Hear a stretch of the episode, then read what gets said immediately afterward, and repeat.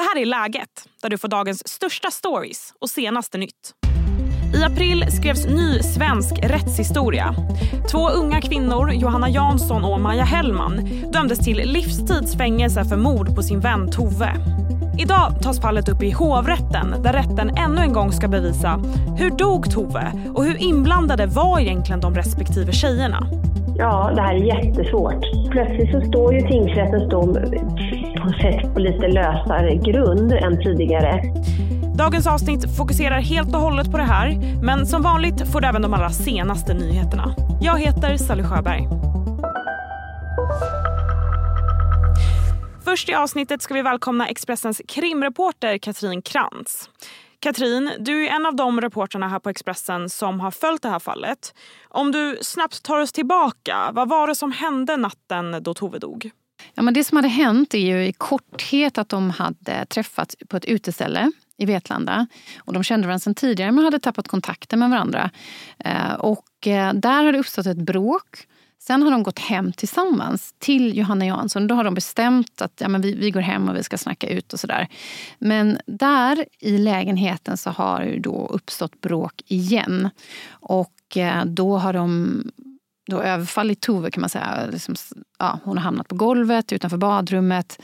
Och sen så har de då eh, strypt Tove. Kört iväg med kroppen och eh, försökt att göra sig av med kroppen genom att elda upp den flera gånger. då. Och Johanna och Maja greps redan dagen efter att Tove försvann. Men det tog två veckor för eh, dem att hitta Toves kropp. Då. Kan du beskriva liksom, hur var stämningen i Vetlanda under de här två veckorna? Ja, men Vetlanda är ju ingen stor ort. Det, en, eh, det var ju väldigt speciellt det som hände att hon var borta. Och Det var något som alla var engagerade i. Det var väldigt många frivilliga som var med och letade. Sen var det Missing People, och det var poliser och det var också väldigt mycket media på plats som följde allt som polisen, polisen gjorde. Det kom dykare, frivilliga som letade och så. Så det var ett fall som, som engagerade väldigt många. Både liksom frivilliga, boende och media och ja, människor över hela landet skulle jag säga. Och sen togs ju det här målet då upp i Eksjö tingsrätt i våras och du var på plats där då. Berätta, vad, hur var det? Ja, men det var ganska speciellt. Eh, de här, det är en gammal eh, rättssal där i Eksjö tingsrätt och de här kvinnorna satt ju så nära varandra att de liksom hade kunnat sträcka ut en hand mellan sig och liksom ta på varandra. Så att säga. Och de, ändå så var de så långt borta från varandra. Eh, alltså de hade ju varit väldigt nära vänner gjort allt tillsammans och sen så hade de då inte träffats sedan de häktades och i förhör gradvis började berätta vad som hänt, gav olika versioner som stod mot varandra. Så det var ju två personer som har varit väldigt, väldigt nära och som nu då liksom stod emot varandra kan man säga i det här målet. Och um, det var ju väldigt, väldigt lite interaktion mellan dem och uh, um, ja, det, var, det var väldigt speciellt. Och sen mitt emot dem, också ganska nära, satt ju då Toves familj. Och följde då deras, uh, deras berättelse. Och det var ju väldigt mycket känslor kan man säga när de berättade om de här sakerna. Det är ju fruktansvärda detaljer i det här brottet. Det som de har gjort, det som de har gjort efteråt. Så att eh, det var mycket känslor under den här rättegången. Vi ska snart få höra om vad som nu står på spel i hovrätten. Men först en kort nyhetsuppdatering. Tidigare i veckan kom nyheten om vilka som tävlar i På spåret i år. Och idag kom även listan på vilka artister som kommer att uppträda i de olika programmen. Bland annat Alba August, Melissa Horn, Pelle Almqvist och Miriam Bryant kommer att stå vid mikrofonen. Dessutom blir det fyra olika husband i årets upplaga. Jill and the Johnsons, Ka, Jonossi och Infinite Mass. Årets På spåret-säsong har premiär den 3 november. 56 kinesiska sjömän ska ha dött när en atomubåt fastnade i en fälla i Gula havet. De uppgifterna framkommer i en ny hemlig brittisk rapport. Atomubåten ska ha fastnat i en fälla avsedd för brittiska och amerikanska ubåtar och därefter ska syresystemen ha slutat fungera. Besättningen ska ha förgiftats och dött. Kina dementerar däremot uppgifterna och kallar dem citat helt falska. Det amerikanska representanthusets talman, republikanen Kevin McCarthy har avsatts efter en dramatisk omröstning bland ledamöterna. The office of Speaker of the House of the United States House of Representatives is hereby declared vacant. Det är första gången i USAs historia som en talman avsätts. Anledningen till misstroendeförklaringen var McCarthys uppgörelse med Demokraterna om den tillfälliga federala budgeten. Något som ledde till att åtta av talmannens partikollegor röstade för att få bort honom. So I may have lost a vote today, but as I walk out of this chamber I feel fortunate to have served the American people. Hej, Ulf Kristersson här. På många sätt är det en mörk tid vi lever i. Men nu tar vi ett stort steg för att göra Sverige till en tryggare och säkrare plats. Sverige är nu medlem i Nato.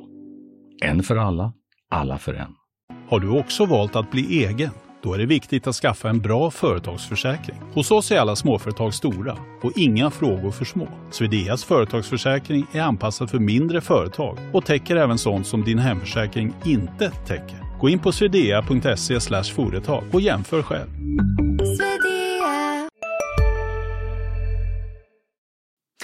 Nu tillbaka till Katrin. Domarna blev ju som sagt livstidsfängelse för mord. Vad blev reaktionerna på det här? Var det en väntad utgång eller fanns det kritik mot domarna? Det var inte oväntat. Och det fanns väl en viss kritik också från eh, framförallt från de eh, dömda kvinnornas advokater och sådär. Men eh, den här bevisningen kan man säga bestod ju egentligen av deras egna berättelser. Sen avvik de ju i detalj från varandra och så.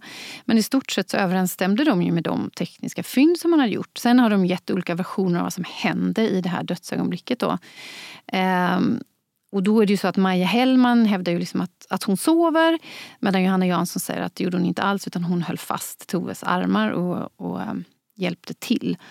Men um, det man kan säga är väl egentligen att ja, men båda dömdes ju för mord.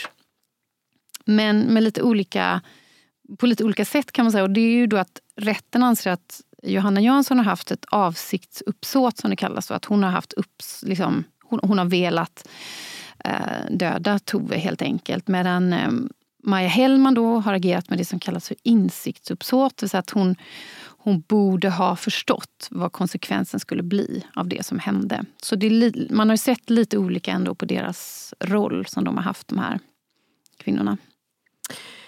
Har det kommit fram något nytt då inför förhandlingarna idag? För eh, försvaret la ju fram eh, vad då, en alternativ förklaring till vad som kan ha hänt med Tove, eller hur? Ja, förklaringen från försvaret är väl att det inte är strypningen i sig som har dödat Tove utan det är magsexinnehållet. Alltså att hon på något sätt har kräkts i det här ögonblicket. Att det är det som har lett till hennes död. Där tackar vi dig Katrin. Och mer om de olika uppfattningarna kring hur Tove dog blir det alldeles strax då jag ringer upp försvarsadvokaten Hanna Lindblom. Men först blir det några fler nyhetsrubriker. Kungliga Vetenskapsakademin har beslutat att i lika delar utdela 2023 års Nobelpris i kemi till Mondje Bavendi, Louis Bruce och Alexei Jekimov. Ja, så där lät det idag när det tillkännagavs vilka som får årets Nobelpris i kemi. Men redan i morse visste vi faktiskt vilka som skulle vinna årets pris då det avslöjades redan i förväg. Informationen fanns i ett mejl med rubriken “De sådde ett viktigt frö till nanotekniken” som skickades ut redan halv åtta i morse från Kungliga Vetenskapsakademin. Flera timmar då innan det officiella tillkännagivandet. Varför mejlet skickades ut så tidigt är fortfarande oklart. Kanske minns du när några Reddit-användare fick GameStop-aktien att rusa med flera hundra procent. Hela GameStop-affären skildras nu i en ny film som fått namnet Dumb Money. Filmen har svensk biopremiär på fredag och följer hur några vanliga människor spelade ut Wall Street och förvandlade videospelsbutiken GameStop till världens hetaste aktie. Hej, Synoptik här. Hos oss får du hjälp med att ta hand om din ögonhälsa. Vår synundersökning kan vi upptäcka både synförändringar och tecken på vanliga ögonsjukdomar. Boka tid på synoptik.se. Nu ska vi återvända till Tove-fallet. Ja, som vi hörde Katrin berätta förut så säger ju då försvaret att det inte var strypningen i sig som gjorde att Tove dog. Men åklagaren har eh, såklart en annan förklaring. Och för att förstå det här så har jag nu ringt upp Hanna Lindblom. Du är försvarsadvokat. Hej Hanna! Ja, just det. Hej, hej! Ja, men Tove-fallet har ju fått enorm uppmärksamhet. Vad, vad, vad mm. tänker du om det här fallet? Vad sticker ut för dig? Ja, det som i första hand sticker ut är att det är två unga kvinnor som är kompisar med varandra som då är dömda för att ha dödat eh, den tredje kompisen. Det är det som sticker ut. Eh, och sen är ju också fallet unikt eftersom det här är två eh, i stort sett ostraffade flickor som också är dömda till livstidsfängelse. Så att det, det finns många väldigt, väldigt speciella omständigheter i det här fallet. Mm. Om vi bara ska gå igenom några av de huvudfrågor som nu gäller för hovrätten. Den mm. ena frågan är hur Tove dog, alltså dödsorsaken. Hur, mm. hur tycker du, hur starkt står det som tingsrätten har kommit fram till där? Nej, alltså plötsligt så står ju tingsrättens dom på sätt på lite lösare grund än tidigare eh, eftersom försvaret har tagit in ytterligare material och sen har man också inhämtat rättsliga eh, rådets eh, utlåtande. Och det här tycker jag visar så tydligt att det här med rättsmedicinska bedömningar, det är ingen exakt vetenskap. För jag tror att nu är det, jag tror att det är sex olika rättsläkare som har tittat på det här fallet. Eh, och de första rättsläkarna sa ju att Tove dog av kvävning genom strypning eh, och att den här strypningen hade pågått under längre tid. Eh, och sen så kommer nästa rättsläkare då som heter Eriksson och det var den rättsläkaren som Johannas advokat hittade. Han säger att det, det snarare talar för att Tove dog genom att ha kvävts av sitt eget maginnehåll. Mm. Eh, alternativt att något tryck på, på halsen har gjort att hon har fått ett hjärtstillestånd. Eh, och sen så kommer rättsliga rådet in och säger ungefär samma sak som de här båda tidigare läkarna säger. Eh, att ja, det kan vara så här, men det kan också vara på andra sättet. Så att, eh, jag är inte avundsjuk på hovrättens eh, domare nu som ska, som ska... De måste ju sätta ner foten och bestämma sig och det blir inte lätt. Nej, det, det, låter knivigt även i dina öron alltså? Mm. Ja, det här är jättesvårt. Eh, det blir på något sätt en tävling i vilken av de här rättsläkarna är den mest vederhäftige och vilken av de här, alla, alla dessa rättsläkare ska hovrätten eh, tro på egentligen. Mm. Och det här handlar ju såklart inte om att någon ljuger utan det här handlar om att, om att rättsläkare gör helt olika bedömningar och det är ju fina, fina nyansskillnader egentligen. Ja. Den andra huvudfrågan handlar om Maja Hellmans då inblandning i det här. Eh, mm. vad, vad, vad, vad, ser du eh, utifrån dina ögon hur, hur inblandad hon har, kan ha varit här? Ja, hon säger ju att, och det har ju varit väldigt lätt för henne att säga, nej men jag vet ingenting för jag har bara legat och sovit hela tiden. Och problemet med det, det är att hon försätter sig nästan i tillstånd där hon har svårt att försvara sig. Eh, det är nästan som att hon säger att hon har en minneslucka, att hon vet ingenting. Och det där kan vara lite vanskligt att ha det som ett försvar. Eh, och framförallt då när åklagaren använder uppgifter emot henne. Här har man ju bland annat använt hennes hälsoapp eller någon form av stegräknare emot henne. Eh, samtidigt så tror jag att hade jag varit försvarare i det här målet för just Maja så hade jag väl sagt att de här hälsoapparna har ju inte skapats för att användas i morddraman. Det vill säga, vi vet ju inte hur exakta de här hälsoapparna är. Så att frågan är om man kan lägga en sådan till grund för en fällande dom. Mm. Men jag tror att Maja kommer få det hett om öronen, det tror jag absolut. Okej. Okay. Men både Maja och Johannas advokater är inne på detaljer. Alltså det, det handlar om hur Tove dog och var Maja vaken och sådär. Men om, man om du tittar på helheten, hur ser det egentligen ut för, för de här tjejerna? Ja, med tanke på utgången i målet, att vi har eh, Tove död och Tove har ju, inte, har ju så att säga inte dött en naturlig död med all sannolikhet, så ser det ju inte bra ut. Det, då ljuger jag om jag säger det. Så det ser inte bra ut. Men däremot så tror jag att eh, det är inte helt, alltså utgången är inte helt självklart. Det vill säga, ska de dömas till livstidsfängelse? Ska de få ett tidsbestämt straff? Eh, och det ligger väl närmare till hands för Maja, tror jag, att få en lindrigare påföljd och till och med kanske att dömas eh, till ett annat brott helt enkelt. eller eh, en, ett medhjälpsbrott eller så.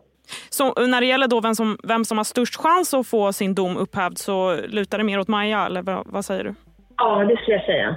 Mm. Jag tror att hon har större chanser. Ja, vi får mm. se hur det går i hovrätten. Tack så jättemycket, Hanna. Ja, tack själv. Det ska bli spännande att följa det här. Det var allt för idag. Glöm inte att följa läget i din podcastapp.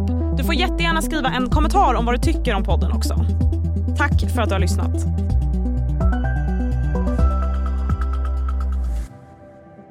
Du har lyssnat på en podcast från Expressen. Ansvarig utgivare Klas Granström